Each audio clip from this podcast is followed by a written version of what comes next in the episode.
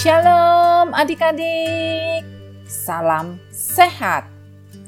Jumpa lagi kita pada renungan firman Tuhan melalui audio Shema.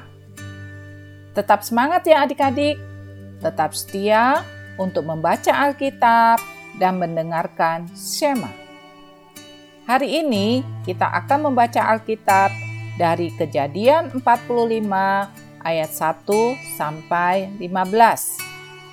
Kejadian 45 ayat 1 sampai 15. Sudah siap semua ya?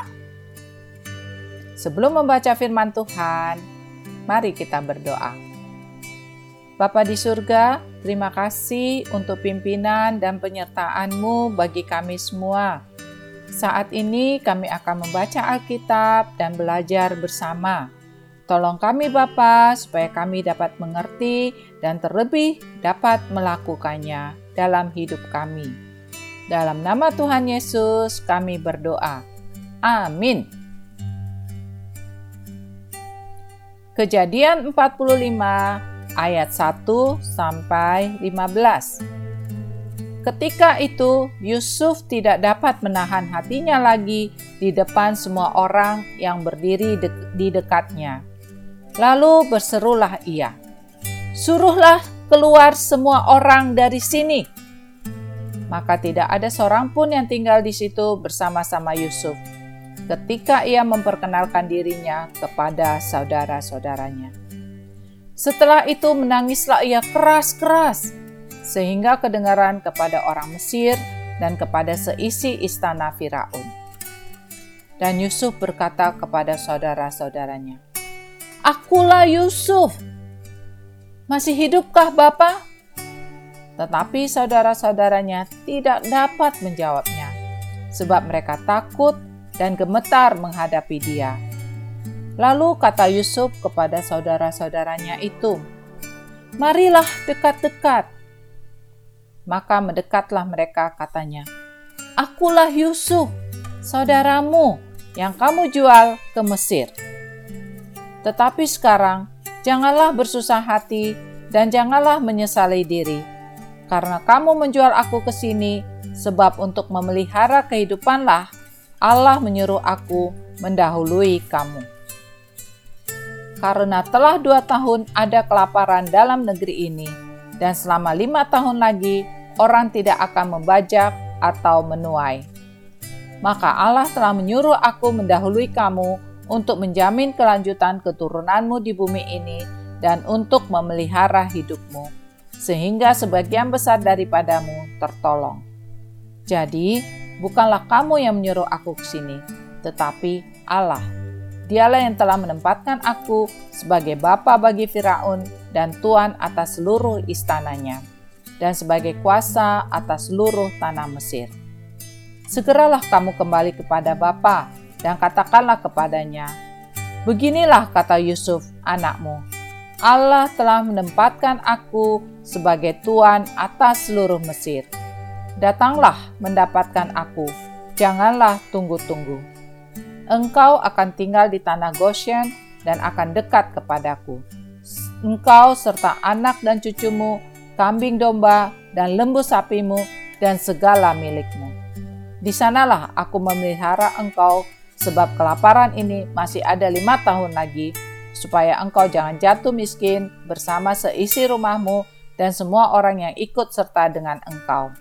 Dan kamu telah melihat dengan mata sendiri, dan saudaraku Benyamin juga, bahwa mulutku sendiri mengatakannya kepadamu. Sebab itu, ceritakanlah kepada Bapa segala kemuliaanku di tanah Mesir ini, dan segala yang telah kamu lihat, Kemudian segeralah bawa Bapak kemari. Lalu dipeluknyalah leher Benyamin, adiknya itu, dan menangislah ia. Dan menangis pula lah Benyamin pada bahu Yusuf. Yusuf mencium semua saudaranya itu dengan mesra, dan ia menangis sambil memeluk mereka. Sesudah itu, barulah saudara-saudaranya bercakap-cakap dengan dia. Demikianlah firman Tuhan. Adik-adik, ada sebuah kisah tentang kakak adik, yaitu Santi dan Sinta. Ketika SMA, Sinta sang adik tinggal di asrama dan hanya diperbolehkan pulang ke rumah sekali dalam sebulan. Di suatu kesempatan pulang, Santi dan Sinta membeli sandal gunung yang sama persis. Hanya berbeda satu angka ukuran karena usia mereka berbeda dua tahun. Setelah beberapa kali dipakai, Sinta mencuci sandal gunung tersebut di asrama. Karena Sinta termasuk anak yang suka kebersihan. Tapi gawat, bukannya menjadi seperti baru lagi, sandal tersebut menjadi rusak, terkelupas. Jadwal pulang kembali tiba.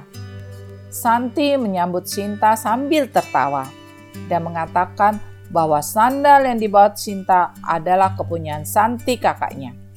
Jadi, sandal mereka tertukar.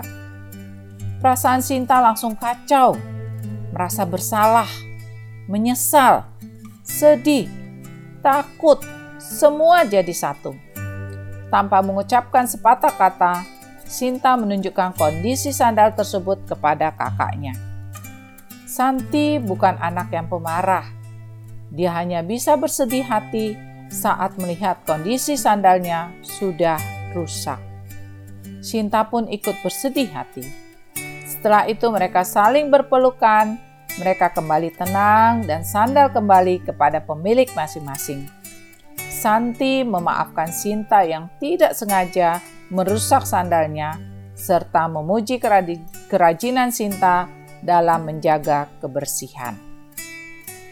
Nah, adik-adik, pada bacaan Alkitab tadi, saat Yusuf yang memperkenalkan diri kepada saudara-saudaranya, mereka bertangis-tangisan Yusuf yang sudah dijual oleh saudara-saudaranya dan karena itu juga dia harus mengalami beberapa hal yang sulit seperti menjadi budak, dibenjarakan.